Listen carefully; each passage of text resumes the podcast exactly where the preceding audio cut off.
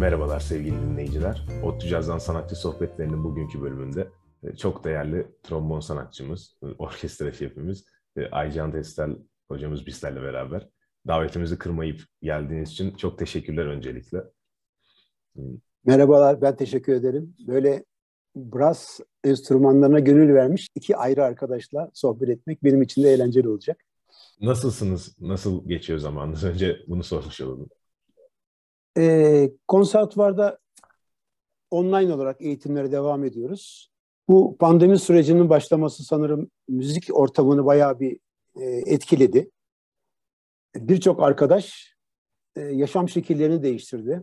Bazıları kendine yeni hayat şartlarıyla e, bu ortama ayak uydurma adına e, yeni bir sayfa açmak zorunda kaldı. Mesleğini değiştirdi.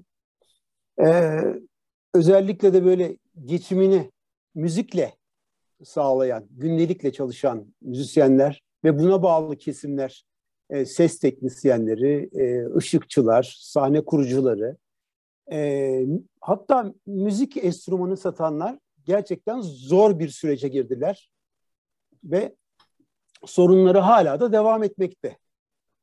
Bütün bu olumsuzlukların yanında kendi adıma konuşursam ben bu e, pandemi sürecini biraz fırsata çevirdim. Hiçbir zaman bu kadar evde bulunamıyordum.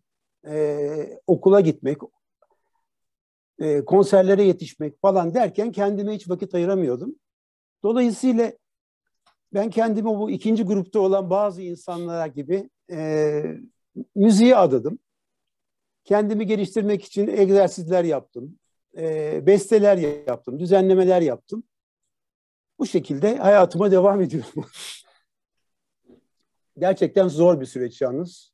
Yani tüm müzik camiasının e, zor anları diyebilirim. Ama evinizde bir stüdyonuz varsa, elinizde bir müzik aletleri varsa, tabii ki e, imkanlarınız varsa sizi bu üretime doğru yönlendiriyor. Sizler nasıl geçirdiniz bu devir, bu süreci?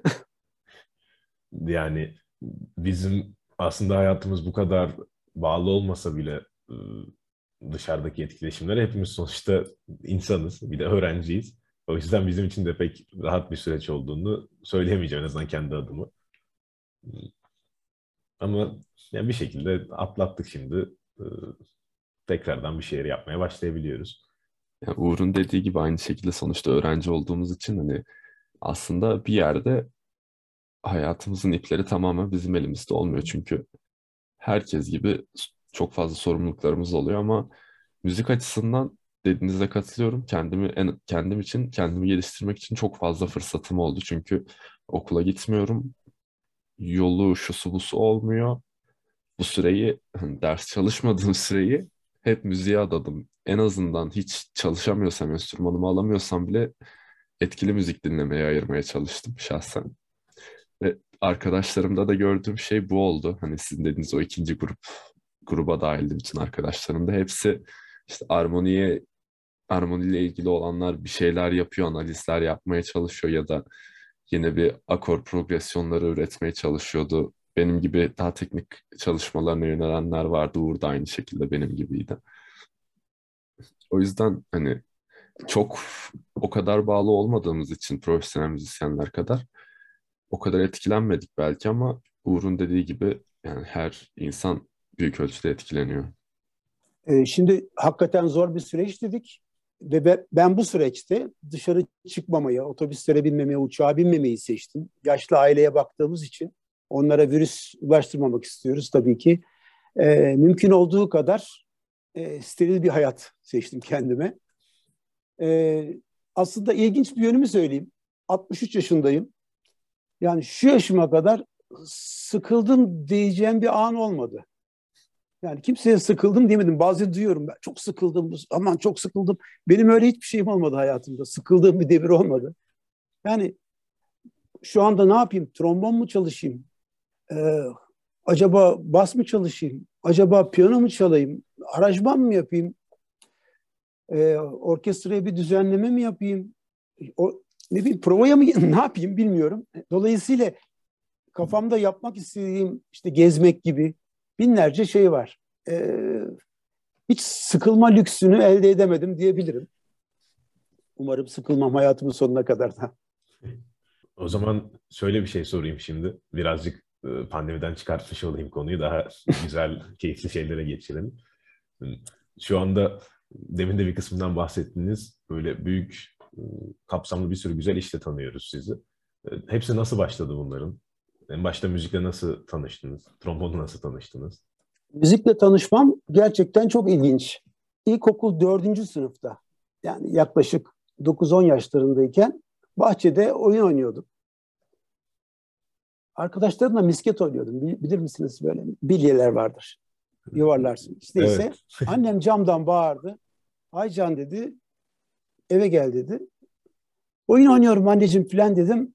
Yok evladım eve gel dedi. Eve gittiğimde annem bana bir kıyafet dikmiş. Ee, hadi gidiyoruz dedi. Anneciğim nereye gidiyoruz dedim. Ee, Dormen Tiyatrosu'nun tiyatro için seçmeleri varmış dedi. Hadi oraya gidiyoruz dedi. Ee, neyse kıya, diktiği kıyafeti bana giydirdi. Beyoğlu'na gittik. Beyoğlu'nda gerçekten e, çok görkemli bir tiyatro binası vardı. Dormen Tiyatrosu bilmiyorum gördünüz mü daha önce. E, sanıyorum görmemişsinizdir. Sonra Ferhan Şensoy sanıyorum orayı dekore etti, bir güzelleştirdi. E, Dormen Tiyatrosu o dönemde e, gerçekten çok önemli isimleri şeyinde bulunduruyordu, kadrosunda bulunduruyordu. Altaner Bulak, Erol Günaydın, Kerem Yılmazer, Hadi Çaman, Zeynep Tüdü, Emel Mesci, Hüseyin Kutman gibi e, ünlü tiyatrocuların hepsi orada oynuyordu. E, annemin beni oraya götürmesinin sebebi de Oliver Twist müzikali Türkiye'de sergilenecek ve e, yarışma var. İçeri bir girdik. Tiyatro binasından içeri girdik. 300 tane çocuk kapıda bekliyor. Anneciğim kalk gidelim dedim. Ne işimiz var burada bizim? Yok evladım dedi. Şansımızı deneyeceğiz. Kaybedebiliriz de kazanabiliriz de belli olmaz. Girelim dedi. Neyse üç aşamalı bir sınav. Ee, ilk aşamada ben üç sınavı birden geçmişim. Beni Oliver Twist müzikaline başrole aldılar. Yani daha önceden ne müziğe alakam var, ne tiyatroya alakam var, ne bir seyretmişliğim var. Hadi Çaman özellikle benim o tiyatroyu e, tiyatrodaki rolü almamı istemiş. E, dediğim gibi Altaner Bulak, Erol Günaydın, Kerem Yılmazer hep bildiğimiz isimler bunlar. Onlarla aynı tiyatroda oynayacağım. Bir de başrolde oynayacağım. Daha dördüncü sınıftayım. Ee, bana en kötü tarafımı sorarsanız ben konuşma olarak söyleyebilirim. Hiç beceremediğim bir şey. Konuşmayı bir türlü beceremedim. Ee, neyse bu bir müzikal olduğu için e, bana şan derslerini almamı istediler. Şan dersleri için Mademoiselle Rosenthal isminde bir hocadan şan dersleri aldım. Piyano eşliğindeydi. Piyanoya bir sempati başladı bende o anda. Aynı zamanda müzikalde orkestra da vardı. Orkestra çaldığı için oradaki aletlere de bakıyordum ara sıra. Hep bir piyano, piyanistlere karşı bir şeyim vardı böyle. Ee, özenme gibi bir eğilimim vardı. Neyse e, tiyatro bir sene kadar sürdü. O sırada aynı zamanda film teklifleri geldi. Küçük e, çocuk rolünde Ömercik'le birlikte iki üç filmde oynadım. Dağlar Kızı Reyhan, e, Ana Kalbi, Tatlı Günler. Ondan sonra beni görenler ya sen bu kadar yeteneklisin niye konservatuvara girmiyorsun dediler. Annem de elimden tuttu konservatuvara götürdü. Sınava girdik. Sınavda kulak soruyorlar. Size uygun olan enstrümanı söylüyorlar. Ben bu konservatuvar sınavından evvel e, bir sene ders almıştım ve birçok yerde konserler de vermeye başlamıştım. Küçük küçük şeyler çalıyordum. Konservatuvara girdiğimde e, sen keman çalacaksın dediler ve trombon çalacaksın dediler. Ben trombonun ne olduğunu bilmiyordum. Ama dedim ben piyano çalıyorum. Bir senedir piyano çaldım. E, tam zamanlı olarak, yatılı olarak okuyacaksın dediler. E, evim Etiler'de. Benim dedim yok tam puan aldın. Dolayısıyla yatılı okuyacaksın. Bir orkestra enstrümanı çalacaksın dediler. Piyano zaten yardımcı enstrüman olarak senin enstrümanın olacak dediler. Ee, dolayısıyla keman ve trombon çalmaya başladım. Piyanoda yardımcı enstrüman olarak derslere devam ettim. Trombonu elime ilk aldığımda ne yapacağımı bilmiyordum tabii ama ön tarafımda 5. sınıfta okuyan abim vardı, Fatih Erkoç vardı. Ee, onun öyle bir şeyler çalışması, çalması falan hoşuma gitti. Aa güzel bir enstrümanmış dedim. Böylece trombonla tanıştım. Daha evvel sadece çizgi filmlerde görmüştüm. Babam 8 milimlik filmler vardı, onları oynatırdı. Orada trombonu görmüştüm böyle. Yani ismini bilmiyordum ama o enstrümanın varlığını biliyordum. Gerçekten çok güzel bir ilk etkileşiminiz olmuş bence. Evet, şahsen Fatih hocamızı beklemiyordum. Yani bu hikayede ortaya çıkmasını birdenbire. Peki bu ya, müzik eğitiminizin devam ettiği artık belki de müzik kimliğinizin oluşmaya başladığı zamanlarda ve bundan sonrasında ve unutamadığınız bir an ya da müziğe bakışınızı değiştiren bir olay filan hiç yaşandı mı? İstanbul'da 9 sene konservatuvarda okudum. Saat 2 gibi sınavım bitmişti. Akşam uçağıyla direkt Hollanda'ya gittim. E, sınavın sonucunu filan beklemeden. İçimde bir özlem var. Avrupalıları, Amerikalıları merak ediyorum nasıl çalışacaklar diye. Hollanda'da oturan bir arkadaşım eksik olmasın. Evine beni aldı. Cebimde 600 markım vardı. E, küçük yaşından beri de çalıştığım için küçük yaşlardan beri ben kimseden para istemeden hayatımı devam ettirdim. Yani Hollanda'ya geldiğimde dediğim gibi 600 şeyim var ama kendime güvenim çok fazla. Ben nasılsa bu işi beceririm, bir şey yaparım diyordum. İşte orada da Rotterdam Konservatuvarı'nın sınavlarına girdim. Sınavı kazandıktan sonra okulda e, klasik batı müziği eğitimi görmeye başladım. Rotterdam Konservatuvarı'nın üfleme grubu ve vurma çalgılar grubu gerçekten çok başarılıydı o dönemde. Bu klasik müzik derslerinin yanında caz dersleri de oluyordu. Big Band de vardı. Okulun bir Big Band'i vardı. Ee, Latin Amerika müziği de vardı. Ben klasik müziklerinden dersten çıkar çıkmaz her bulduğum fırsatta caz derslerine de girmeye çalıştım. Çok kısa bir dönem Keith Slinger'ın e, piyano derslerine katıldım. Sonra o beni oktete aldı. Keith Slinger oktete. Oktetin içerisinde e, alto saksafon, tenor saksafon, trombon, trompet ve bariton saksafon var. Yani her enstrümandan, her bakır enstrümandan bir tane gibi ve onun yanında da altyapıda trio var. E, okuldaki gerçekten en iyi e, caz çalanlar, caz bölümünde okuyup da çalanlar oradaydı. Trombon bölüm, yani klasik bölümden oraya giden bir tek ben vardım. Her hafta bu grupla çalışmalar yapılıyor. E, yine oktet dersindeyiz. Sandalyeme oturdum. E, yanımda Tom diye bir tenor saksafoncu olması lazım. Bir baktım Ferdinand Powell oturuyor. Avrupa'nın gelmiş geçmiş belki de en büyük saksafoncusu diyebilirim. Ya acayip şey oldum tabii. ya ya dedim kusura bakmayın ben klasik bölümden geldim. Ee, sizlerin yanında falan çalıyorum. İşte utanmaya başladım böyle. Ferdinand Powell'ın bana şöyle bir şey oldu.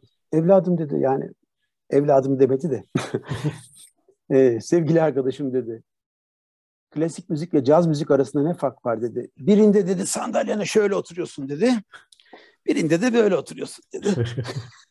Dolayısıyla içim rahatladı. yani onun yanında çalma kapasitemi belki yüz kat arttırdı. Çok etkilendim. İkinci bir olayda e, Hollanda'da okurken geçimimi sağlayabilmem için yaz aylarında e, Fransız tatil köyü vardır. Kulüp Met belki bilirsiniz. Kulüp Mediterane. Ee, tatil köyleridir bunlar. Dünyanın her yerinde vardır. İşte Türkiye'de de var iki üç tane. Yaz aylarında orada e, kış, yaz aylarında para biriktirip kışında okumam için harcıyordum. İşte Fas'ta, Agadir'de, e, İsviçre'de çalıştım. Türkiye'de de bir sezon yapmıştık. E, bir sezonda Antil Adalarından Guadeloupe adasında iş teklifi geldi. Orada çalıştık. Kulüp Met içerisinde çalışıyoruz ama personel değiliz. Çalışanlar gibiyiz. Sadece müzikal etkinliklerde e, şey yapıyoruz. Bize JEO deniyor. Gelenlere de JM deniyordu. E, biz bu JEO'lar, animasyon kısmında çalışan JEO'lar e, müzik etkinliklerinde bulunuyorduk. Benim 1983 senesinde bu yaz tatilimi enstrümanımı çok çalışmam gerekli olduğunu bana hatırlatıyor. Çünkü 84 senesinde mezun olacağım. E, bu yazı iyi değerlendirmem lazım. Bütün gün e, bütün bu projelerde bas gitar çalıyorum veya piyano çalıyorum. Ama odamda sürekli trombon çalışıyordum. Genelde kapım çaldığında e, bir şikayet gelir. İşte aman uyuyoruz, e, biraz sonra çalışabilir misin, başka bir yerde çalışabilir misin? Bu tarz şeyler. Bu sefer başka bir şey oldu. Kapı çaldı. Kapıyı açtım. Karşımda Clifford Jordan. Yani efsane, dünyanın en ünlü saksafoncularından benim de merakla takip ettiğim bir cazcı. J.J. Johnson'larla falan çalmış bir cazcı. Ya dedi, hey man, e, seni izliyorum. Bütün gün orkestrada orada e, bas gitar çalıyorsun. Odada da bütün gün trombon çalışıyorsun dedi. Akşam geliyorsun dedi. Bizim dedi caz kulüpte şey var dedi. Orada küçük bir kulüp vardı caz kulüp. Orada bizle beraber çalacaksın dedi. Ee, üç saksafon ve altyapı var. Sextet. Aman Allah'ım. yani talip kuşu mu kondu derler ne derler. Yani e, benim bir tane tişörtüm vardı. Adamın e, silüeti hep aklımda. Yani ne zaman yıkayarak onu giysem adamın tişörtünden geziyordum yani. e, böyle bir şok oldum. Ve onlarla çalışım benim için hayatımda bir dönüm noktası oldu diyebilirim.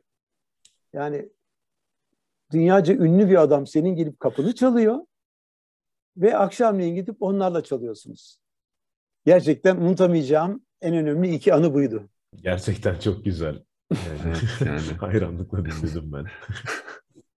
Benim o zaman bu güzel anlardan sonra biraz daha ülkemize dönelim demek için bir sorum var. Hani e, topluluktaki arkadaşlarımızla biz sürekli birlikte çalma fırsatı oluyoruz. Yani bu sayede de hani hem tabii ki kendimiz müzikal anlamda gelişiyoruz ama çok güzel arkadaşlıklar da kurduk aynı zamanda. Yani bu bağlamda size Kemik 3'ten biraz bahsetmenizi isteyecektim. Siz nasıl bir araya geldiniz? Ee, 85 yılında Türkiye'ye döndükten sonra 84'ün sonuydu. E, 6 ay kadar evden dışarı çık- çıkamadım. Türkiye'ye gelişteki amacım ben enstrümanımı çok zor şartlarda öğrendim. E, bunu öğrenip buradaki genç arkadaşlara örnek olayım. Tek niyetim buydu. Bunlara öğren bilgilerimi onlarla paylaşayım gibiydi. Bu doğrultuda evde sürekli çalıştım, çalıştım, konser hazırlığı yaptım. O sırada Sezen Aksu Show diye bir e, tiyatro ve müzikal şeyi vardı. Onunla Tunç'un müzik direktörlüğünü yaptığı bir şeydi. Bana e, trombon çalabilir çalar mısın dediler. Daha önceki kayıtlardan Onunla Tunç'u tanıyordum. Ama Şenova Ülker'i tanımıyordum. Sadece ikimiz de birbirimizi isimlerimizden, e, enstrüman çalmamızdan dolayı biliyorduk. Dolayısıyla ilk orada çalmaya başladık birlikte. Levent Altındağ ise e, konservatuvardaki orkestrada zaten görevliydi. Oradan onunla e, arkadaşlığımız vardı.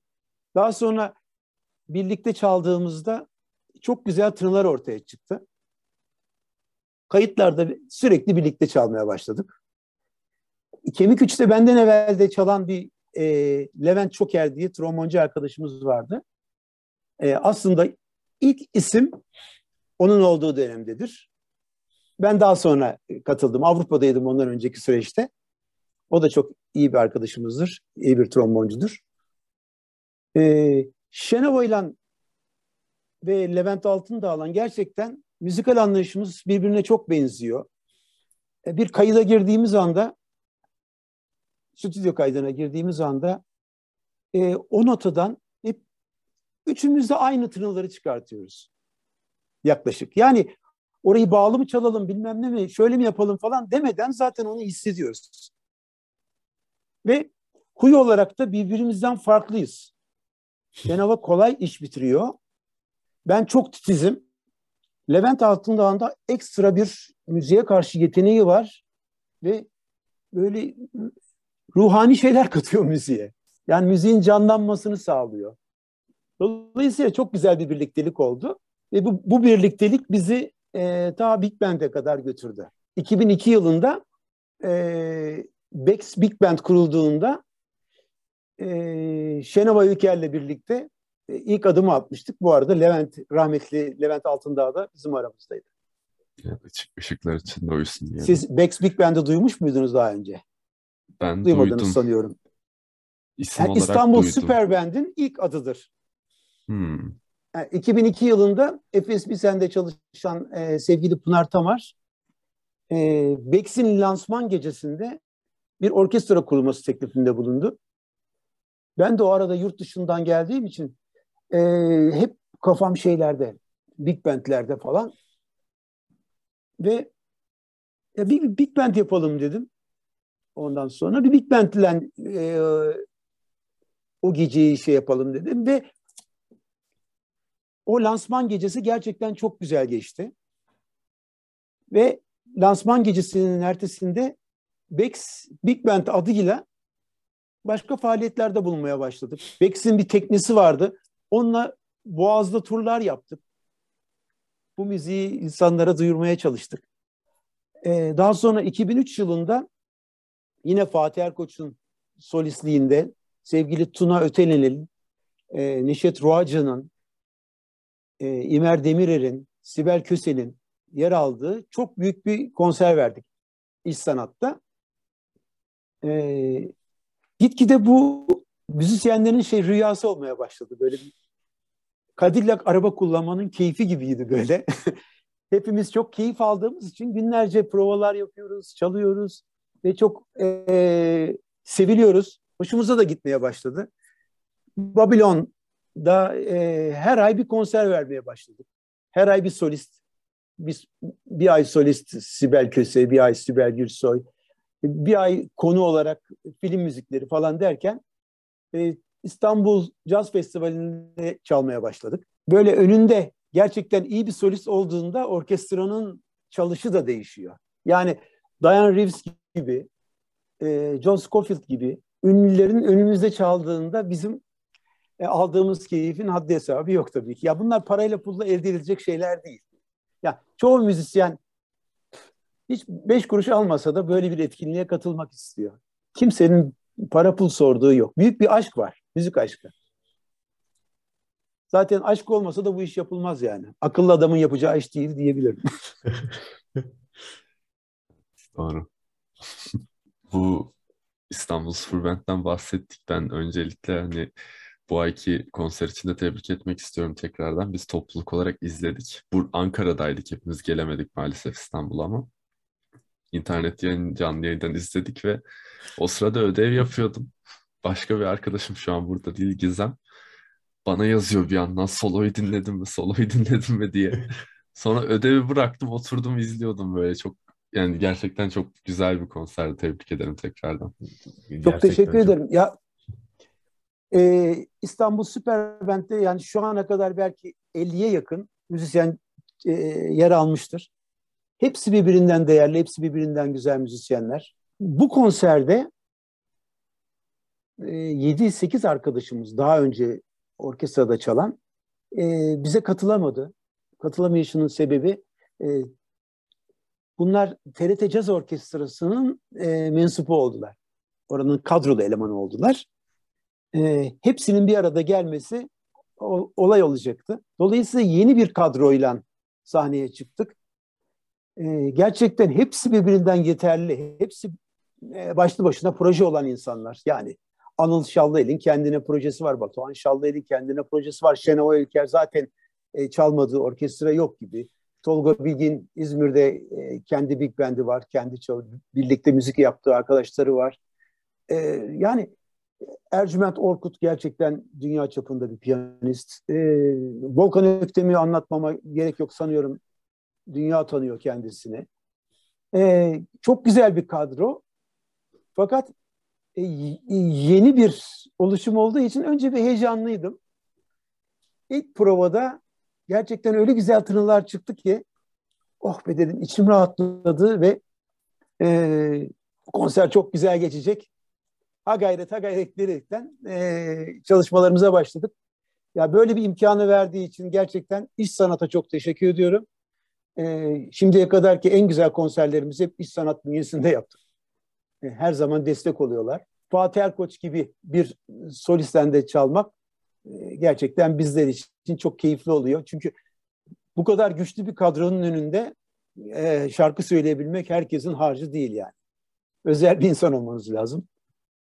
O erkek sesi olarak da sanıyorum Türkiye Cumhuriyeti'ne gelmiş gitmiş en ünlü, en iyi ses diyebilirim yani. Fatih Erkoç e, sadece trombon çalmıyor, sadece şarkı söylemiyor. Eline flüt aldığımda çalabiliyor, bağlama da versen çalıyor, ut zaten çalıyor, küçüklüğünden beri çaldığı, keman verseniz çalıyor. Yani özel bir yetenek gerçekten. Gerçekten öyle yani benim diyecek hiçbir sözüm yok o konuda.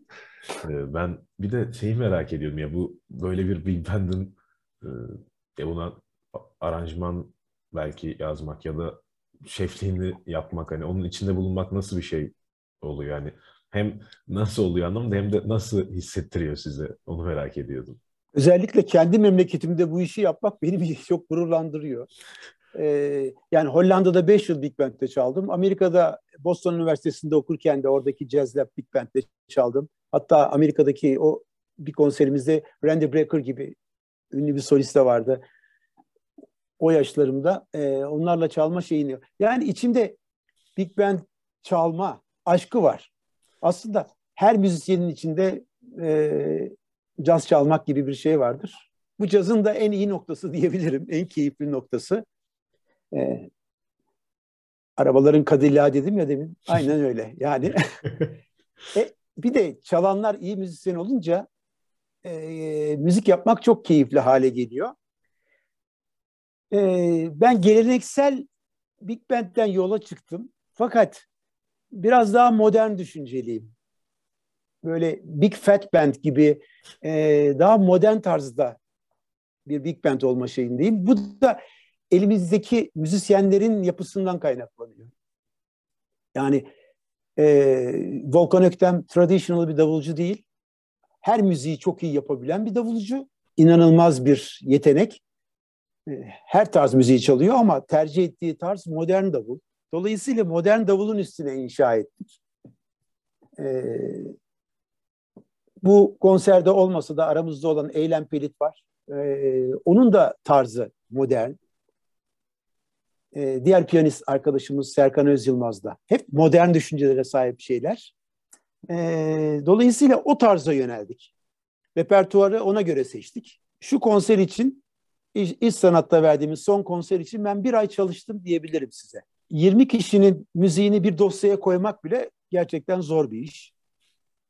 Acaba şunu mu yapsam, şunu mu yapsak, şunu mu yapsak, şöyle mi olsa, böyle mi olsa? Bazı notaları buluyorsunuz. O nota e, soliste uygun olmuyor. Onu değiştirmek zorunda kalıyorsunuz.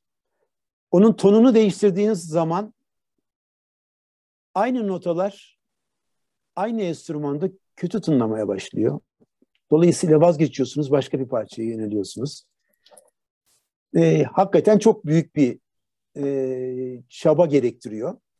Ama bu kadar müzisyeni, bu kadar güzel sesi bir araya toplayıp birlikte müzik yapmakta o kadar çabaya değiyor yani.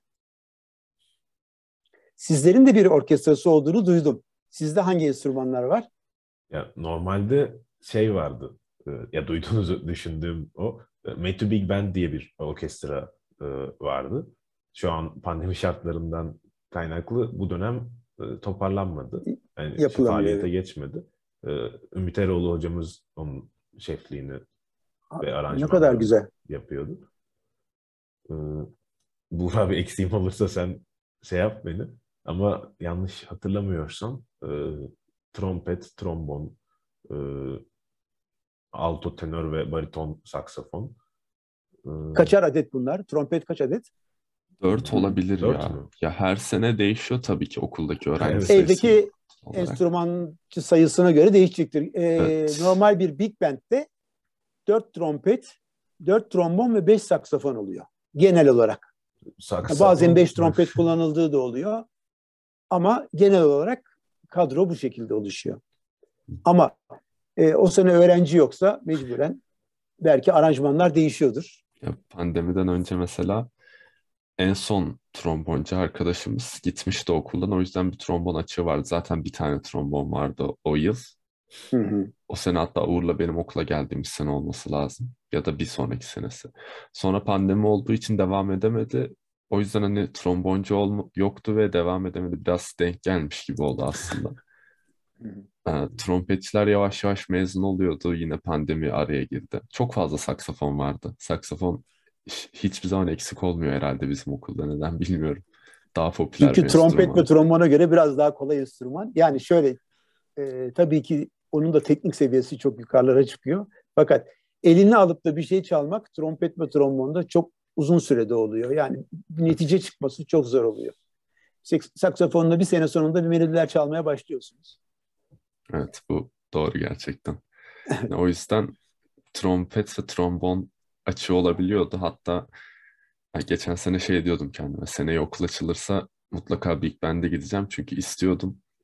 İlk sene gidememiştim ilk dönem. İlk trompete başladım dönem. Ama sonra işte çalışma odaları küçük. O kadar üflemeliyi bir araya getiremediler orada. Pandemi hala devam ediyor çünkü.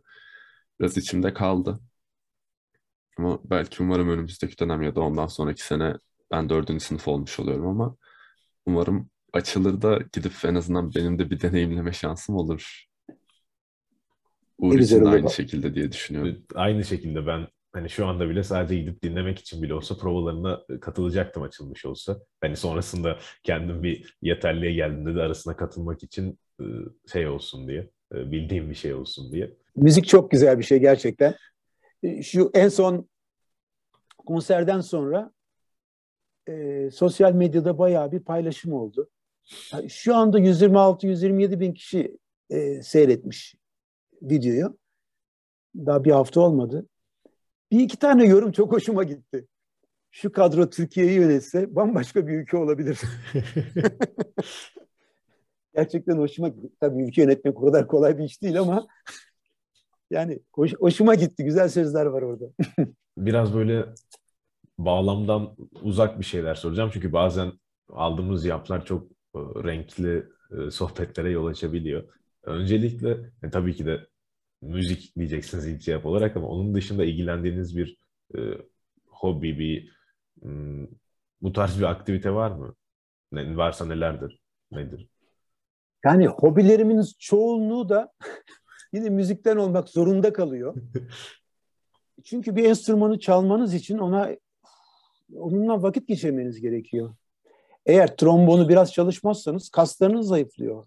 Ağız kaslarınız zayıflıyor, karın kaslarınız zayıflıyor. Ee, enstrümana yabancı oluyorsunuz. Yani devamlı formda olmanız gerekiyor. Ee, bir futbolcuyu düşünün. Belirli bir yaşları var. O kadar futbol oynayabiliyorlar. Sonra bırakmak zorunda kalıyorlar. Müzisyen ise e, ileriki yaşlarına kadar bu işi yapmak zorunda. Dolayısıyla sağlam olmak zorunda. Kaslarının kuvvetli olması lazım. E, her ne kadar e, beyin olarak, e, müzik becerisi olarak ilerleseniz de e, kaslarınızı sağlam tutmak zorundasınız. Özellikle trompet, trombon, korno gibi enstrümanlarda fiziksel e, dayanıklılık gerekiyor. Şimdi bas, ben bası sahnede öğrendim. Öyle bir özel bir çalışma yapmadım. Dolayısıyla o benim için bir hobi gibi olmaya başladı. Piyanoyu çok küçük yaşta çalmaya başladım. Ee, onu da e, severek yapıyorum. Fakat her birine vakit ayırmam gerekiyor. Ve bunlar yetmiyor bana. Yani günde 24 saat yetmiyor. E, sabahları 6.30'da kalkıyorum.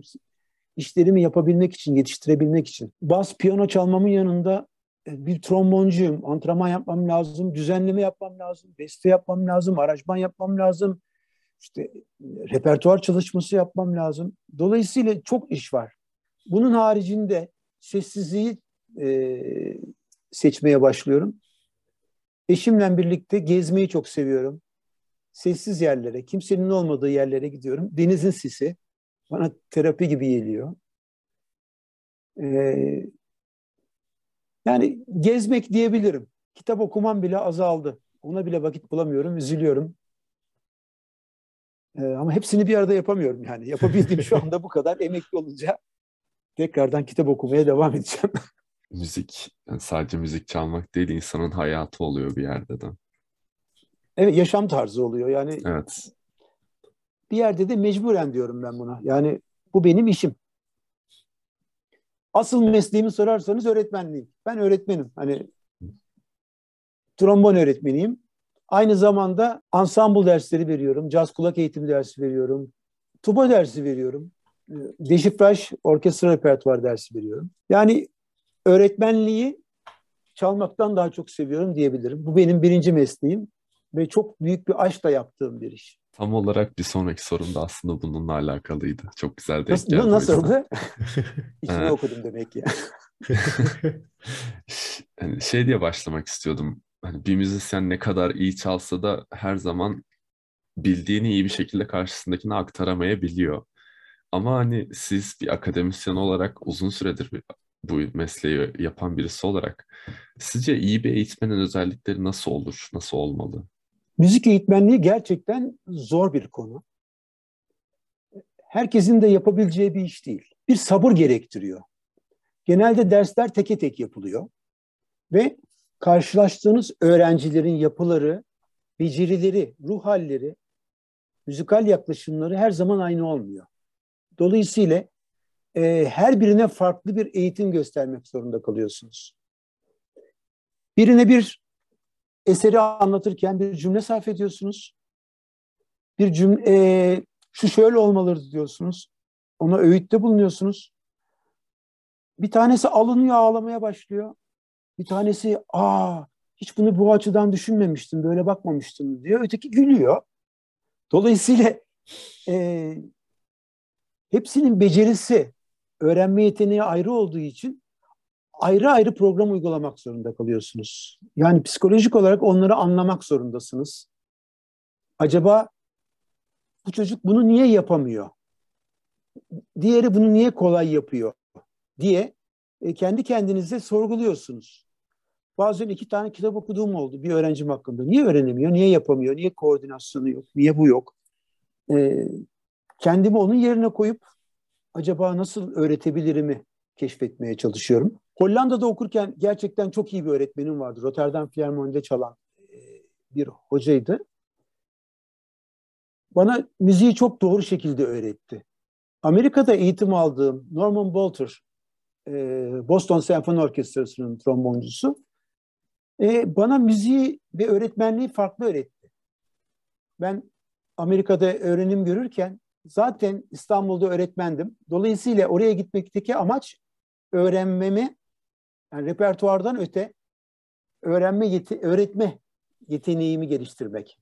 Dolayısıyla e, çok çok çok yetenekli bir öğretmen vardı Norman Bolter. Çok yetenekliydi bu konuda. Şöyle söyleyeyim, bir problemin olduğunda işte ses nedir? İşte ses şudur. Ses titreşiminden meydana gelir. E, senin şu anda neyin titreşecek? Dudağın titreşecek. Dudağını nasıl titreştirebilirsin? Hava. Hava nasıl olur bilmem ne. Bana her şeyi bilimsel olarak anlattı. Benim belki Türkiye'de başarılı öğretmen olarak başarılı olmamın sebebi de e, Norman Bolter'dır diyebilirim. Tabii ki oraya kadarki birikimim diğer hocalarımın vermiş olduğu e, müzik şeyi. Fakat Norman Bolter'ın bende ayrı bir şey oldu. Hayatıma farklı bakma e, ihtiyacımı hissettim. Daha bilimsel şekilde öğretmeye çalıştım. Yani ilk öğretmenliğe başladığım 85 senesinde e, üç günde öğrettiğim bir şeyi şu anda 30 37 yıl falan oldu. E, sanıyorum 3 dakikada öğretebilirim. Yani gerçekten öğretmenliğin başka bir güzel tarafı daha var müzik öğretmenliğinin. 9-10 yaşında bir gençle tanışıyorsunuz. E, onunla ailesinden daha fazla vakit geçiriyorsunuz. Yani ailesinin bilmediği sırları ben biliyorum. Onun yaşantı şeklini ben biliyorum. O gün nerede olduğunu ben biliyorum. Çünkü birebir ilişki içerisindesiniz. Birinci dersteki e, tanışmamızdan hemen sonraki ilk aşamada bana yalan söylememesini söylüyorum. Yani bana dürüst olmasını istiyorum. ilk başta benim için enstrüman çalması, dersi iyi yapması değil, bana dürüstlüğün, insanlığın önemi olduğunu öğretiyorum. Dersini çalışmayabilirsin. O gün birlikte çalışırız. Ama yalan söyleme. Bana yalan söyleme. E, müziğin gerektirdiği şeyleri anlatıyorum. Dolayısıyla çocukla bir aramızda bir yakınlaşma oluyor. Bazılarına baba çocuk ilişkisi oluyor yani. E, çünkü normal bir okula gittiğinizde bir hocayı belki 2-3 sene görebiliyorsunuz. Konservatuvarda 10 yaşında bir hocayla başlıyorsunuz. E, lisans eğitimi bitinceye kadar e, 4 sene lise, 4 sene e, ortaokul, işte lisans eğitimi, yüksek lisans, doktora falan derken e, senelerce aynı insanla birlikte oluyorsunuz. Onun her huyunu biliyorsunuz. O da sizin her huyunuzu biliyor. Ve e,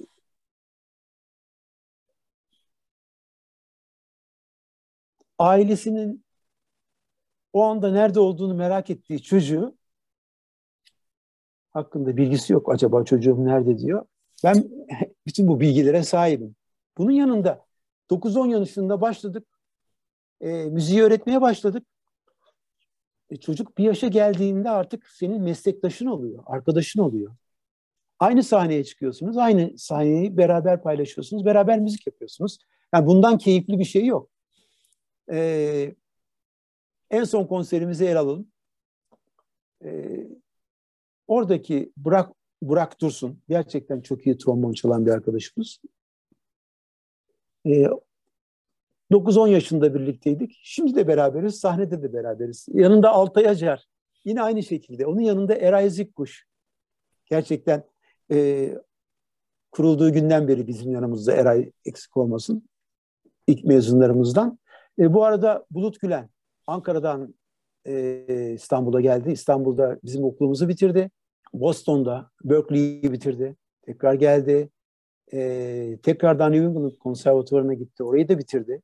Çok deneyimli bir arkadaş. Ama yine çok senelerdir birlikte olduğumuz arkadaş. Çok müzisyen. Yani hiçbirini öğrenci olarak görmüyorum. Hepsini meslektaşım olarak görüyorum. Bu inanılmaz bir duygu.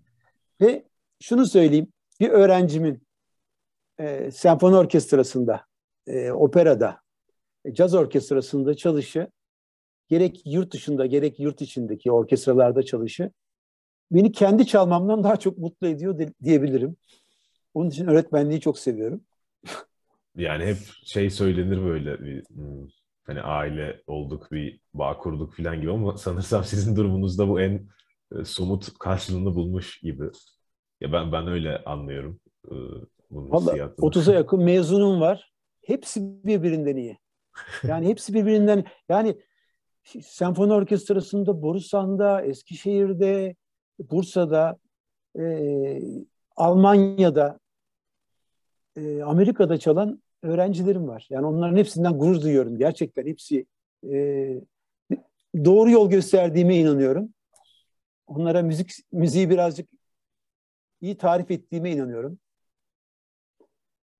Onlar da e, hepsi yetenekli gençler. Biraz da belki de benim şansım diyebilirim. Ben bir şey daha eklemek istiyorum bu söylediklerinize. Ee, sizin işte az önce bahsettiğiniz isimlerden mesela Bulut abi bu, bu podcast serisinde de konuşma fırsatımız oldu. Sonra da birkaç defa yine konuşup hatta Uğur Trombonlu Bulut abiyle birlikte almıştı. Evet çok. O, o yardımcı olmuştu bize.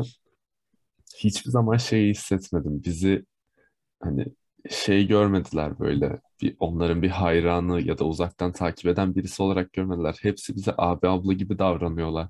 Hepsi destek oluyorlar ve bir yerde dediğiniz gibi birazcık da hani profesyonel olarak yapmasak da meslektaşı olarak da görüyorlar ve saygı du saygıda duyuyorlar bize.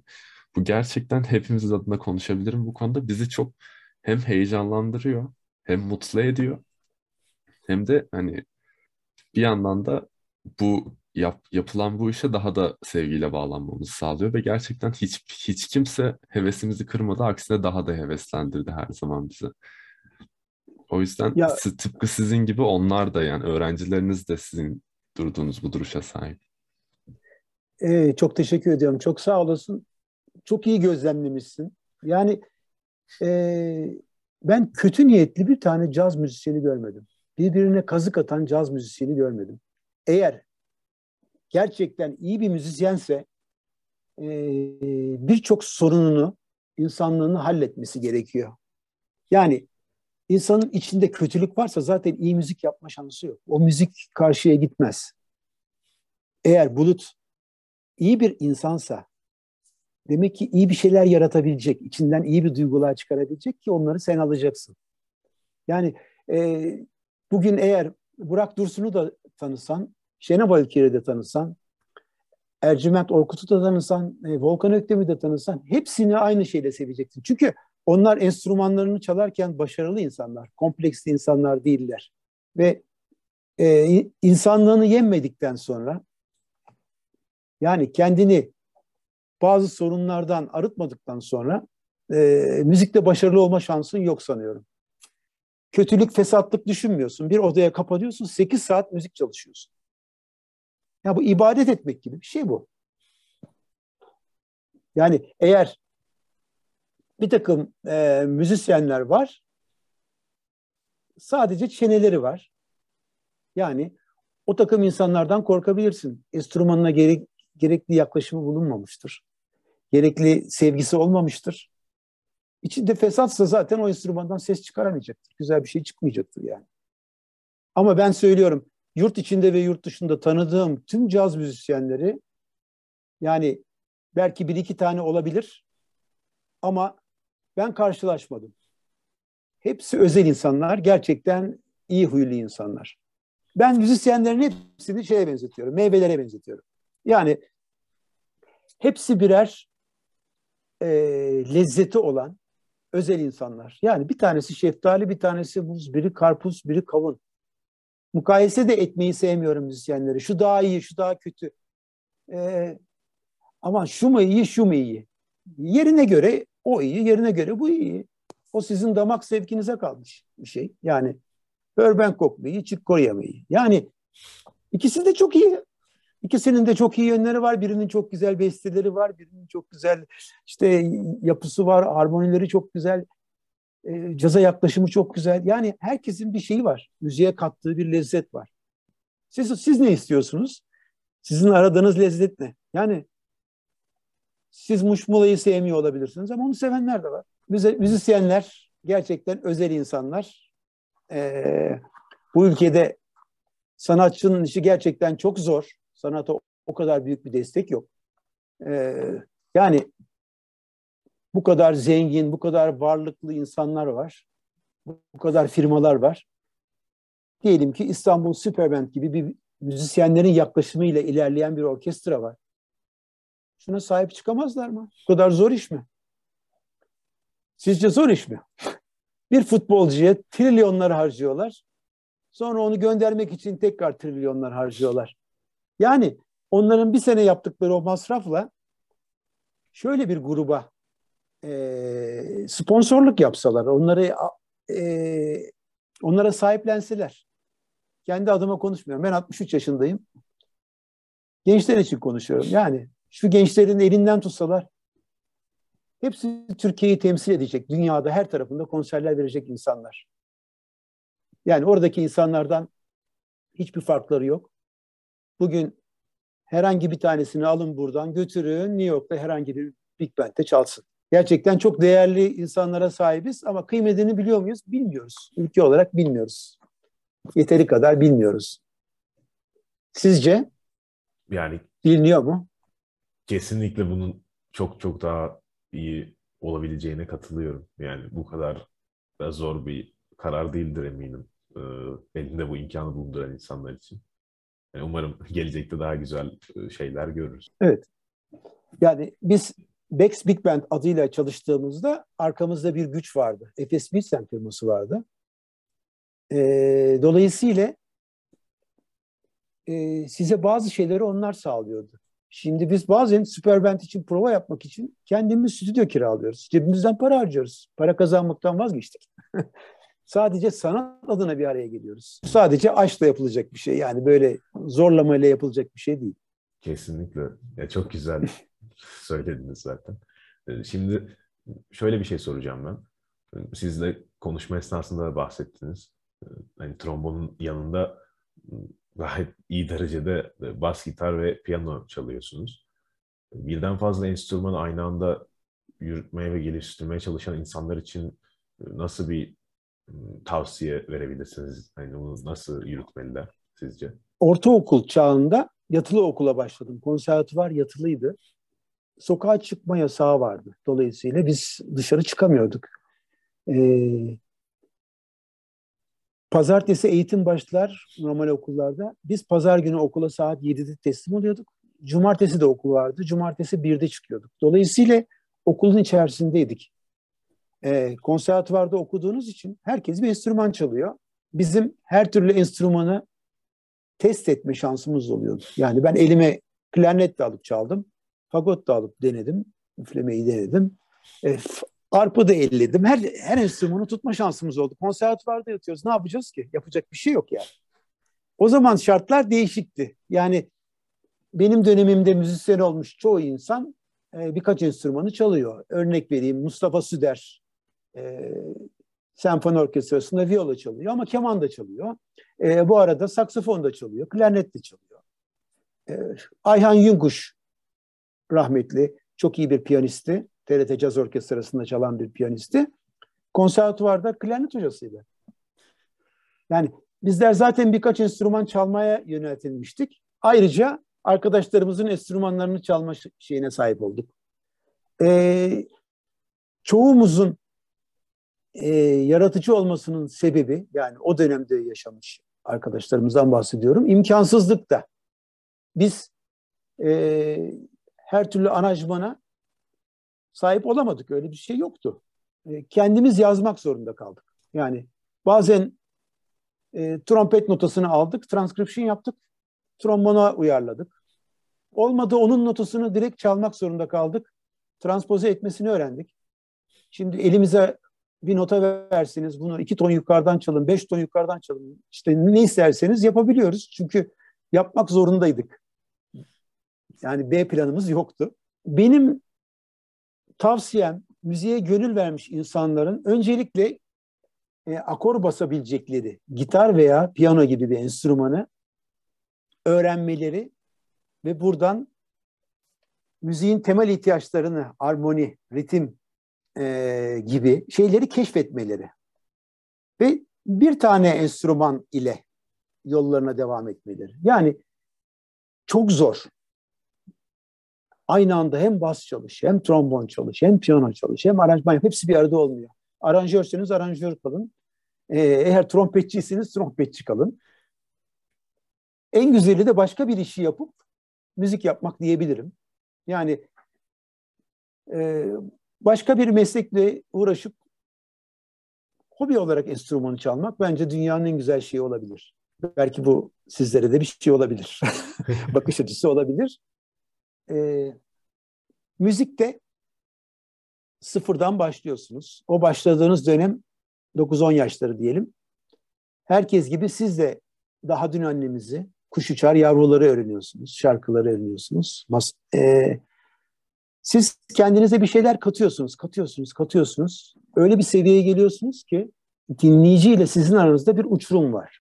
Benim gerçek kafamdaki müzikleri tamamıyla yaptığımda, e, uyguladığımda karşımda hiçbir dinleyici olmayacağına eminim. Belki üç veya dört kişi kalabilir.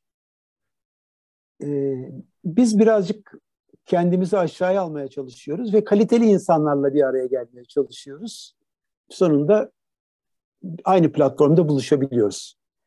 Yani eğer siz kendinize bir yatırım yapmadıysanız caz müziğinden keyif alma şansınız yok. Caz bir caz hatta müzik olarak söyleyeyim müzik bir lisan. Bir dil olarak görebilirsiniz bunu.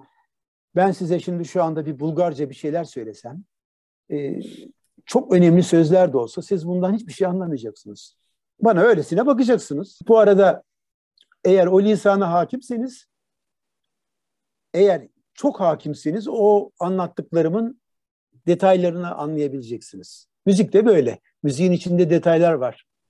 Yani bir insan sadece melodiyi duymak zorunda değil. O anda melodinin yanında ritim var. Ritmin yanında armoniler var. Armoninin yanında işte şeyler var. E, enstrümanların birbirine karşı uyumları var. Birliktelikleri var.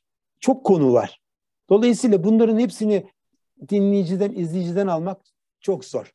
Ama daha e, kolay bir seviyedeki cazdan başlayarak gitgide yükselen bir grafikte olurlarsa ondan sonra çok daha iyi anlayacaklardır. Yani Bill dinledikten sonra Aydın Esen'i dinlerlerse Aydın Esen'den daha fazla keyif alabilirler. Aydın Esen bence dü- dünyadaki en iyi 10 piyanistten bir tanesi. Ve Türkiye'de yaşayan bir piyanist. Türkiye'dekilerin çoğu bilmiyor. Ama Boston'da, İsviçre'de bir konser verdiğinde insanlar başka şehirlerden onu dinlemeye geliyorlar. Çünkü gelen insanlar da hep benim gibi müziğe meraklı, müziğe kendini vermiş insanlar. Bilmem sorunuzu yanıtlayabildim mi? Yani bir tane enstrümana bir, bir tane enstrümana odaklansınlar. O enstrümanda uzman olsunlar. Ee, eğer bu enstrümanları piyano değil ise piyanoyu da öğrensinler.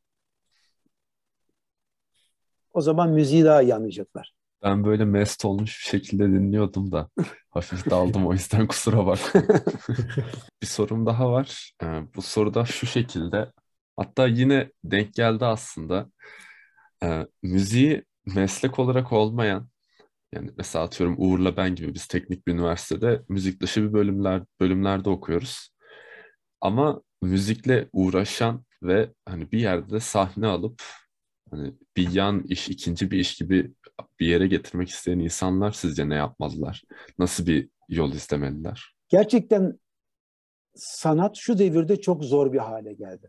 Ee, insanların sanatını idame ettirebilmeleri için çok bir şeyin üstesinden gelmesi gerekiyor. Bazen taviz vermesi gerekiyor. Ee, para kazanmak işin içine girdiği vakit bu iş sanattan da çıktığı oluyor. Onun için benim eğer siz benim evladım olsaydınız benim size tavsiyem şöyle olurdu. Müziği eğer bu ülkede yaşayacaksan müziği e, diğer işinin yanında yap. Yani diğer işinde başarılı ol. Parasal olarak bir sorunun çıkmasın. Daha sonra müzikle e, tanış, müziği ilerlet. Müzikte kimle müzik yapmak istiyorsan yap. Ama bunu para için yapma. Benim tavsiyem bu olurdu. Şöyle söyleyeyim. Bambaşka bir yoldan e, size bir şeyler anlatmaya çalışacağım. 53 yıldır müzikle uğraşıyorum. E, bir ufak bir arazi gibi bir şey olsaydı anneden babadan diyelim ki ben oraya her gün bir tane limon ağacı dikseydim. Çok mu zor bir tane fidan dikmek? Her gün. Yani biz 8 saat enstrümanımızı çalışan insanız yani bu kadar sabırlı insanız. Ee, yani bir ağaç dikseydim e, sadece bir seneye olarak hesap ediyorum 365 tane limon ağacım olurdu. Şimdi bunu 53 seneyle çarptığım vakit yaklaşık 19-20 bin tane ağaç olurdu. Her ağaçta da 50 limon olduğunu düşünürsen şimdiye kadar 1 milyon tane limonum olurdu benim kendi ormanım olabilirdi ya. Öyle söyleyebilirim size. Yani limon ormanım olabilirdi. Üretim çok önemli insanın hayatında. Yani üretim yapacak bir iş seçmenizi önerirdim ben sizlere. Yani hangi, müziğin de hangi dalı olursa olsun üretmenizi isterdim. Bugün Beethoven'ı biliyorsanız onun çaldığı müzik e, e, konserlen değil de onu bıraktığı eserlerle hatırlıyorsunuz. Gustav Mahler'i de öyle hatırlıyorsunuz. Ee, ne bileyim Chick Corea'yı da öyle hatırlayacaksınız ileriki yıllarda. Belki videosunu göremeyeceksiniz ama Chick Corea her zaman olacak sizin hayatınızda veyahut da Herbie Hancock besteleriyle olacak bu insanlar. O devirde yaşamış binlerce virtüöz var. Şu anda isimleri buraya gelemedi ama eserleri buralara kadar geldi. Benim için üretim çok önemli. Hayatımda üretim çok önemli. Onun için bu örneği size verdim limon yapsaydım, yetiştirseydim bir milyon limonum olacaktı. Şimdi çok sevdiğim öğrencilerim var. Onları tercih ederim tabii ki. Limonlarda tercih ederim. Öğrencilerim hepsi birer pırlanta, pırlanta diyebilirim. Hepsi birer cevher. Ee, ama siz siz olun, bir güzel bir meslek bulun. Ondan sonra yan olarak müzik yapın. Şu anda doğru yoldasınız. Üniversitenizi bitirin ve aynı yolda devam edin. Günde iki saat enstrüman, üç saat enstrüman çalacak vakit bulacaksınız. Siz de benim gibi hiç sıkıldım demeyeceksiniz hayatınızda. Teşekkür ederiz. Şimdi bir arada bir tane daha parantez açalım. Hı hı. Müzik endüstrisi öyle bir hale geldi ki herkes her şeyi çok kolay elde ediyor. Dolayısıyla gençlik de e, her şeyi çok kolay elde edeceğini sanıyor. Ben şimdiki insanlara özellikle 90'dan sonra doğan insanlara hep e, fotokopi çocukları diye isimlendiriyorum. Niye diyeceksiniz? Yani kendimden yine bir örnek veriyorum. Hollanda'da otururken bir notayı almak için trene binip Paris'e gidip Paris'ten müzik mağazasına gidip oradan notayı alıp tekrardan trene binip tekrar Hollanda'ya gelişim bazen bana 100 e, dolara mal oldu. Bir tane nota ben bahsediyorum. E şimdi aynı notayı ben kendi öğrencime bir fotokopi karşılığında veriyorum. E, onun için bir değeri yok. Ama ben onu almak için çok çabaladım. Şimdi bendeki notayı şu anda görseniz hala e, tertemiz. Dükkanda satıldığı gibi. Koruyorum çünkü onu, seviyorum. E, öğrencimde aynı notayı gördüğümde bir bakıyorum tuvalet kağıdı gibi olmuş. Buruş, buruş, böyle. Oğlum bu ne diyorum? Hocam ne yapayım tekrar yaptıracağım diyor. Yani bir şeyi çok kolay elde edebiliyor. Ben onu tekrardan oraya gidip Paris'e gidecek öğrencilik yıllarında paran yok, pulun yok. Yapmak o kadar da kolay bir iş değildi. Ee, müzik sektörüne bakıyorum. Binlerce dolarlık müzik aletleriyle e, müzik yapıyorsunuz. Bir, bir enstrüman alıyorsunuz 4-5 bin dolar. E, ses kartı alıyorsunuz 2500 dolar. Mikrofon alıyorsunuz 1500 dolar falan. E sonra onu MP3'lü adam bedavaya dinliyor.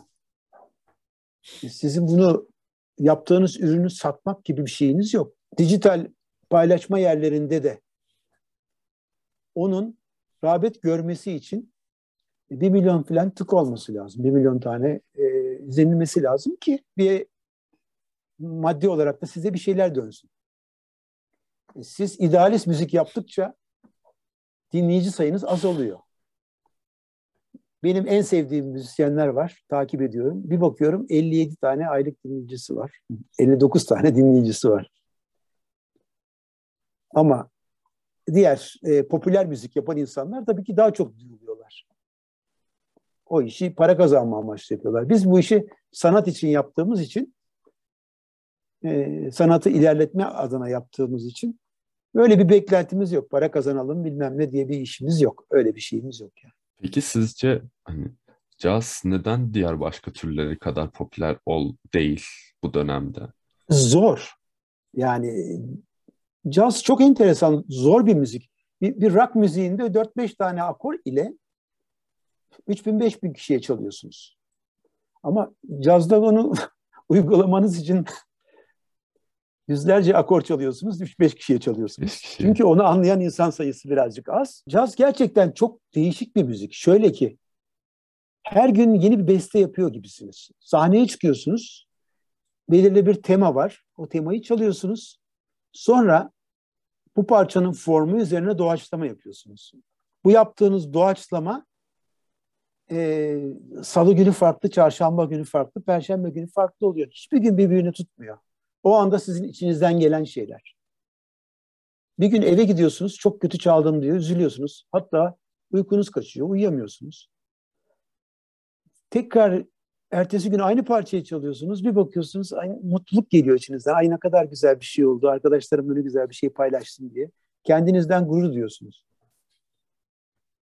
Böyle bir şey. Yani e, sahnede her gün bir şey besteliyorsunuz gibi bir şey. Klasik müzikte bunu önceden kurguluyorsunuz. Önceden kafanızda tasarlıyorsunuz, yazıya döküyorsunuz. Enstrüman tınılarını hayal ediyorsunuz. Onu beste haline getiriyorsunuz. Orkestraya veriyorsunuz, orkestraya çalıyorsunuz. O da her zaman aynı değil. O performans olarak aynı değil. Ama diğerinde yaratıcılık olarak e, bir şeyler gerektiriyor caz müziğinde. Cazın da güzelliğinin tarafı bu. Babamın bir lafı vardı. Her müzisyenin gönlünde caz yatar derdi. Ben küçücük yaşımda yatılı okuldan eve geldiğim vakit notayı açardım. Bir şeyler çalardım piyanoyla. Babam da o dönemlerde Nat King Cole, e, Bill Evans gibi müzisyenleri dinlerdi. Ondan sonra benim notamı kapatırdı. O notasız bana bana göre başka bir şeyler çal evladım derdi. Belki cazı sevmemin sebebi babam olmuştur. Benim de şahsen caza ilgi duymamdaki en büyük etken o olabilir. Hani her çalımda farklı bir şeyin karşıya aktarılması, her çalımda daha farklı bir şey hissetmem büyük ihtimalle benim için de. Çünkü dediğiniz gibi bu çok farklı, her, çok güzel bir şey. Her günün farklı geçiyor. Evet. Nota bir, nota bir yere kadar var, bir yerden sonra yok. armonilerle berabersin. Acaba o armonilerin içindeki seslerle mi dolaşayım, dışındaki seslerle mi dolaşayım derken bir ezgiler yaratıyorsun. 12 tane notayı ritimlerle, ruhunla şekillendirip sunuyorsun. Her gün güzel olma şansı yok tabii ki. Yani dünyaca ünlü Miles Davis'in de çok iyi günü var, çok kötü günü var. Bizlerin olduğu gibi. Size şöyle bir şey soracaktım. Hani tavsiyelerden bir şeylerden aslında konuşuyoruz. Yani her şeyden bir tavsiye çıkıyor ama e, son soracaklarım hep gene tavsiye istemek üzerine olacak. Önce ilk soracağım. Hani ben zaten daha bir çok çok yeni hani trombon çalmak bir alfabe ise ben A harfini söylemeye çalışan bir hani hatta ilk 30 yılı şey zor. İlk 30 yılı zor. Ondan sonra kolay korkma. Hmm, hani benim gibi ya da e, genel olarak diğer hmm, enstrüman çalan arkadaşlarım gibi de olabilir. Ama trombon üzerinde soracağım ilk sorumu. Yani trombonu bu şekilde yaklaşan insanlara e, ne söyleyebilirsiniz? Müzik eğitimi deyince insanın aklına ilk nota geliyor. Bugün Türk müziği çalan, inanılmaz müzik yapan binlerce insan var. Çoğu notasız çalıyor. Bugün Chet Baker'ın da nota bilmediğini duymuştum. Belki yanlış olabilir ama o kadar önemli bir müzisyen nota bilmiyormuş. Konservatuvarda eğitime başlıyorsunuz veya bir özel ders alıyorsunuz. Size notalar gösteriliyor. Burada notaya bakıyorsunuz. E, şu birinci çizgi mi, ikinci çizgi sol e, diye isimlendiriyorsunuz. Gözünüzden takip ediyorsunuz. İşte bu sol anahtarı diyorsun. Sol çizgisinden başlıyor diyorsun. E, hep gözünle haşır neşirsin. Sonra la'yı çalmaya çalışıyorsun. İşte enstrümanından ses çıkartıyorsun. İşte la diyorsun, si bu diyorsun. İşin müzik tarafına baktığınızda o notanın hiçbir önemi yok aslında. O nota size bir araç. O müziği yapmanız için gereken bir araç. Notayı çaldıktan sonra o notayı müzik haline getirmeniz gerekiyor. Ya bu parça bir cenaze parçası mı? Ee, bir şenlik parçası mı? Veya bir kralın e, saraydan çıkışı için bir tören için mi yapılan bir müzik mi? Bu bir reklam müziği mi? gibi o müziği yorumlamanız lazım. Yani işte bu barok dönemde yazılmış bir eser, bu romantik dönemde yazılmış bir eser. Nasıl ben bunu yorumlamalıyım? Eğer bir e, caz parçasıysa acaba bu ne anlatıyor? Ben ben bunu nasıl çalarsam diğerlerinden farklı olurum. Bu şekilde görmeleri gerekiyor. Yani notayı bir araç olarak kullanın. Amaç olarak amaç nota okumak değil. Amaç müzik yapmak. Benim e, tekrardan konservatuvarı kurmak gibi bir yetkim olsaydı, iki sene sadece insanlara müzik dinletip enstrümanından oyun oynar gibi onlara tekniğini öğretmeye çalışırdım. Daha sonra devreye notayı sokardım. Yani önce göz değil, önce insanın içindekini çıkartmak, yeteneğini keşfetmek e, ve müziği öğrenmesini sağlamak. Ondan sonra notaya geçerek bu işin teorisini öğretmek olurdu. Bol bol müzik dinleyin. Bol bol müzik dinleyin. Kendinizden daha iyi olan bu iş doğru yolda olduğunu hissettiğiniz, bildiğiniz insanları takip edin. Ve bol bol çalışın. Beethoven'ın dediği gibi yani bu işin yüzde 98 e, tarafı çalışmak. Yüzde ikisi de yetenek. Çok teşekkürler. Ben bu söylediklerinizle ilgili bir şey sormak istiyorum. e, hani müzik dinle, dinlemekten bahsettiniz ki bence de bu çok önemli bir şey. Ama hani etkili müzik dinlemek sanırım biraz daha farklı. Yani normal müzik dinlemekten. Aralarında bir fark olduğunu tahmin ediyorum. Tabii Müzik öğrenmek dinler- için müzik dinleyeceksin. Evet. Kendini Bu- geliştirmek için müzik, kitap okumak gibi. Nasıl e, öğrenmek istediğin şeyler var, onlar için kitap okuyorsun veya bir e, ufkunu açacak bir şey arıyorsun. Müzik de aynı şekilde. Devam edebilirsin. Bu şekilde dinlerken hani dikkat etmemiz gereken şeyler neler? Ne, yani nelere odaklanmamız lazım? E, bir defa hangi tarz müzik dinliyorsunuz şu anda siz? Yani caz üzerinden konuşalım. Caz üzerinden konuşalım. Ee, parçanın formunu keşfetmeye çalışın.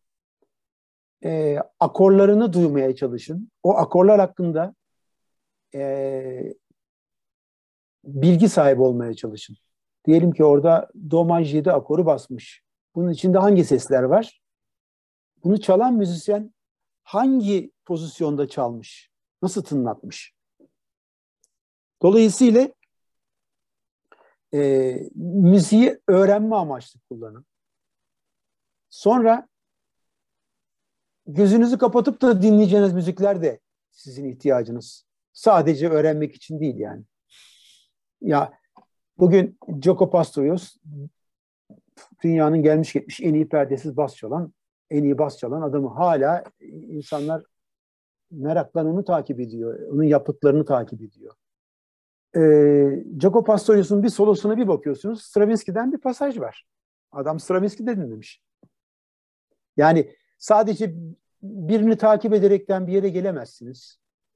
İnsanların fikirleri gibi değişik müzisyenler dinlediğiniz vakit değişik insanların e, fikirleri size gelmiş oluyor. Müzik fikirleri size ulaşmış oluyor. E, bu işi iyi yapmış, size yakın gelen, dinlediğinizde kendinizi iyi hissettiğiniz müzisyenleri keşfedin. Onları dinleyin Önce imitasyon sonra inovasyon herhalde. gibi. yani gözünüzden değil kulağınızdan, ruhunuzdan müziği öğrenmeye çalışın. Daha sonra akademik yönünüzü geliştirin. Bugün e, hepimizin takdir ettiği birçok müzisyen eğitim almamış müzisyenler. Volkan Öktem konservatuvar mezunu bir müzisyen değil. Benim için beş tane profesör eder. Yani öyle bir bilgiye sahip, öyle bir yeteneğe sahip, öyle bir beceriye sahip. Yani illa ki bunu okumak zorundayım, yapmak zorundayım değil. İnsan müzik yapmak istiyorsa, öğrenmek istiyorsa şu anda her türlü şey mevcut. Ben YouTube'dan bakıyorum bazen 7-8 yaşında müzisyen dinliyorum. Hayretler içinde kalıyorum. Yani ne zaman doğdun, ne zaman büyüdün, nasıl bu kadar güzel müzik yapabiliyorsun? Nasıl böyle bir tekniğin var? Anlamaya çalışıyorum. U- uzaylı diye adlandırıyorum kendimce. Diyorum herhalde bu uzaydan geldi bu çocuk diyorum. Ve bunun gibi kaç tane var? Çocuklar bazen şaşırtıcı olabiliyorlar. Gerçekten. Yani inanamıyorum yani. Son olarak yani zaten hep hani söylediğiniz her şey siz tavsiye olarak söylemeseniz bile aslında bizim için e, pek çok içinden kendimize alabileceğimiz şey taşıyor. Pek çok tavsiye de verdiniz. Ama genel olarak bu bağlamda söylemek istediğiniz başka bir şey var mıdır? Bizlere, biz genç, müzikle uğraşan insanlara. Sabırla yaklaşın. Mümkün olduğu kadar bir şeyi öğrenmek için kendinize zaman tanıyın.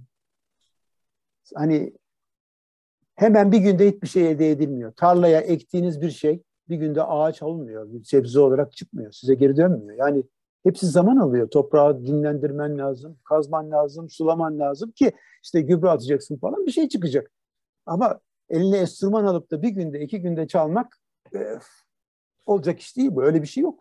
Sabırlı çalışmak. Belki 2000-3000 saati e, enstrümanınla yaşadıktan sonra bir şeyler çıkmaya başlıyor. Benim zaten konuşmalarımın çoğu tavsiye şeklinde oluyor. Çünkü zaten öğretmenlik yaptığım için hayatım öyle gelişiyor. Hayatım tavsiyeyle geçiyor. Kendime de tavsiyelerde bulunuyorum. Onları da kağıda yazıyorum. Yok böyle yapmalıyım, şöyle olmalı. Hala bir şey öğrenmeye çalışıyorum. YouTube'u açıyorum. Oradan e, işte Bu işin uzmanı insanların yaptığı masterclass'ları izliyorum, bakıyorum neler söylemiş. Benim çaldığım enstrüman olması şart değil. Yani başka bir enstrüman da olabilir. Ama hepsini takip etmeye çalışıyorum. Hala öğreneceğim çok şey var. Öğrenmemizin sonu yok. Ee, tamam ben öğrendim her şey bitti diyorsanız siz zaten emekli olmuşsunuz. Erken yaşta. Öyle bir dünyanın içindesiniz. Sabır, sabır diliyorum hepinize. Eğer müzik yapıyorsanız e, mümkün olduğu kadar doğru insanlarla tanışmanız, doğru insanları izlemeniz, caz müziği ise onu lokalde izlemeniz, görerek izlemeniz. Trombon çalıyorsunuz, öğreniyorsunuz şu anda. E, kimi kimi seyredeceksiniz? Bob McChesney'i izleyeceksiniz. Bob McChesney'i YouTube'da koydunuz. E, işte R'yi bakalım hangi pozisyondan almış? İşte birinci pozisyondan çalmış. Aa R sesi ne bimole gidiyor? Aa burada e, dördüncü pozisyondan çalmış gibi kendi kendinize notlar alın. Dolayısıyla iyileri takip edin. Bol bol kitap okuyun. Müzik olması şart değil. Ufkunuz genişlesin. Hayata böyle değil. Biraz daha şöyle bakmaya. Bu böyledir, bu böyledir, bu böyledir, bu böyledir diyorlarsa değildir. O zaman caz olmuyor zaten. Bu böyledir. Böyle de olabilir. Böyle de olabilir. E, sen yanlış çalıyorsun demek birine en kötü küfür gibi bir şey. Halbuki sen bunu şöyle çalabilirsin. Şöyle çalsan daha güzel olabilir. Ben bunu böyle görüyorum. Şöyle çalalım mı demek daha iyi bir yaklaşım sağlayabilir. Hep hayatı daima benim görüşüm bu ama daha farklı da olabilir şeklinde geliştirmek gerekiyor. Düşünceler gelişiyor. Yani ben 18 yaşında ne düşünüyorsam şu anda aynısını düşünmüyorum. Farklı şeyler düşünüyorum. Keşke yeniden dünyaya gelsem ama şu anki beynim olsa. Çok teşekkürler. Çok güzel ben teşekkür şeyler ederim. söylediniz. Böyle bir imkanı verdiğiniz için çok teşekkür ediyorum. Ee, programlarınızı merakla takip edeceğim. Biz teşekkür ederiz. Teşekkürler. İyi çalışmalar, sevgiler diliyorum. Teşekkürler. Sevgili dinleyiciler, bugün çok değerli, e, çok yönlü trombon sanatçımız e, Aycan Testel bizimle beraberdi. Çok teşekkür ederiz tekrardan e, geldiğiniz için. Çok keyifli, çok güzel bir sohbet oldu. Ya her anı dolu dolu geçti. Umarız en kısa zamandan tekrardan e, bir arada oluruz. Ben de çok çok teşekkür ediyorum.